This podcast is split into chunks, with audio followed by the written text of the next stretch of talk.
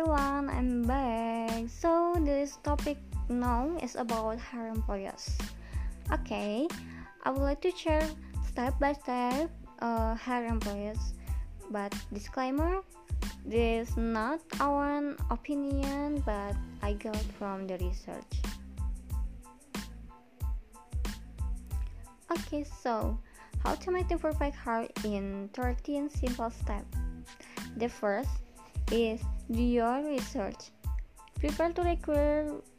No, no. Mm, prepare to recruit by looking at similar job description and scanning resume of qualified candidates to understand what skill and experience are required for roles like yours.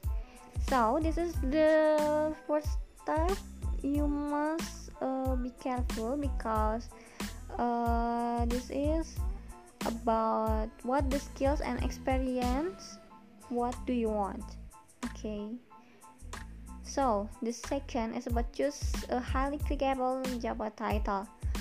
Post a free job on Indeed using a clear concise job title that will rank high in search results and attract qualified candidates and avoid buzzwords like a wizard, rockstar, or ninja.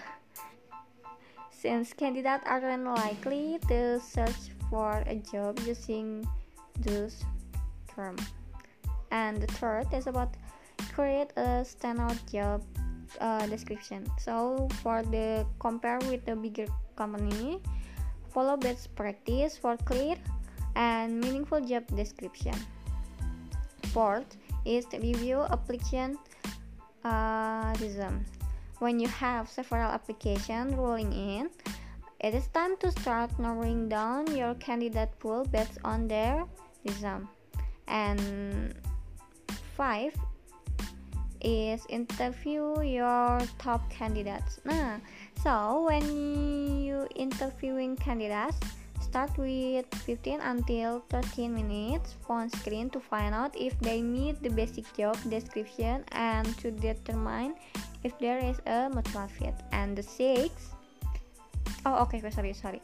So for ask about interview, you can ask about uh, tell me about yourself or why are you in interested in this position or company or what are your strengths and what are your weakness or what professional assignment are you most proud of? Or the last is describe your ideal work environment like that is. Okay the sixth is about check reference. Checking reference is a great way to gain additional insight verify skills and ensure that you're hiring employers who are being honest about their work experience and qualification. Okay like um like asking about can you confirm the candidate's job title, responsibilities start and and that's etc.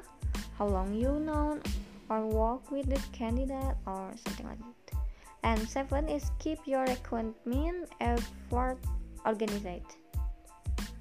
Hmm. This is about when you're hiring for multiple roles or have dozens of applications applying for a single position at your company. Uh, things can get overwhelming quickly. Okay, and eight is choose your perfect candidate. Of course, you must choose the perfect person because this is your business.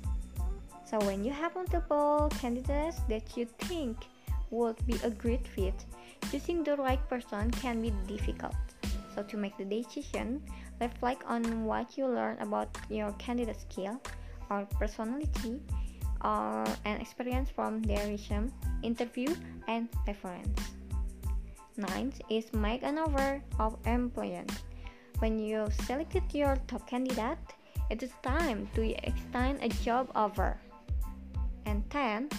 Notify rejected candidates as soon as possible because according to uh, 20 and uh, no, no, 20 and yeah, 90 in the survey 77 uh, percent of candidates would have a negative perception of a company if they didn't hear back after applying so to avoid burning bridges notify your rejected candidates as soon as you know they aren't the right fit.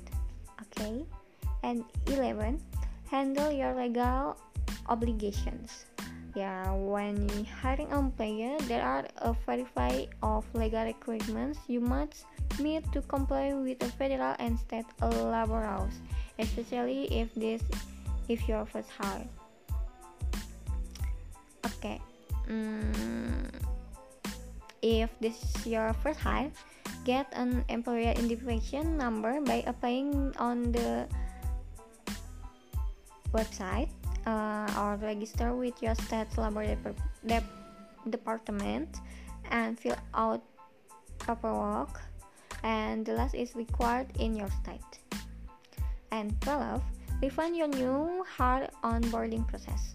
This is a great onboarding process. Not only makes your new employee feel welcome but also helps lay the foundation for a loyal and productive employer and sets them up for success in their new role.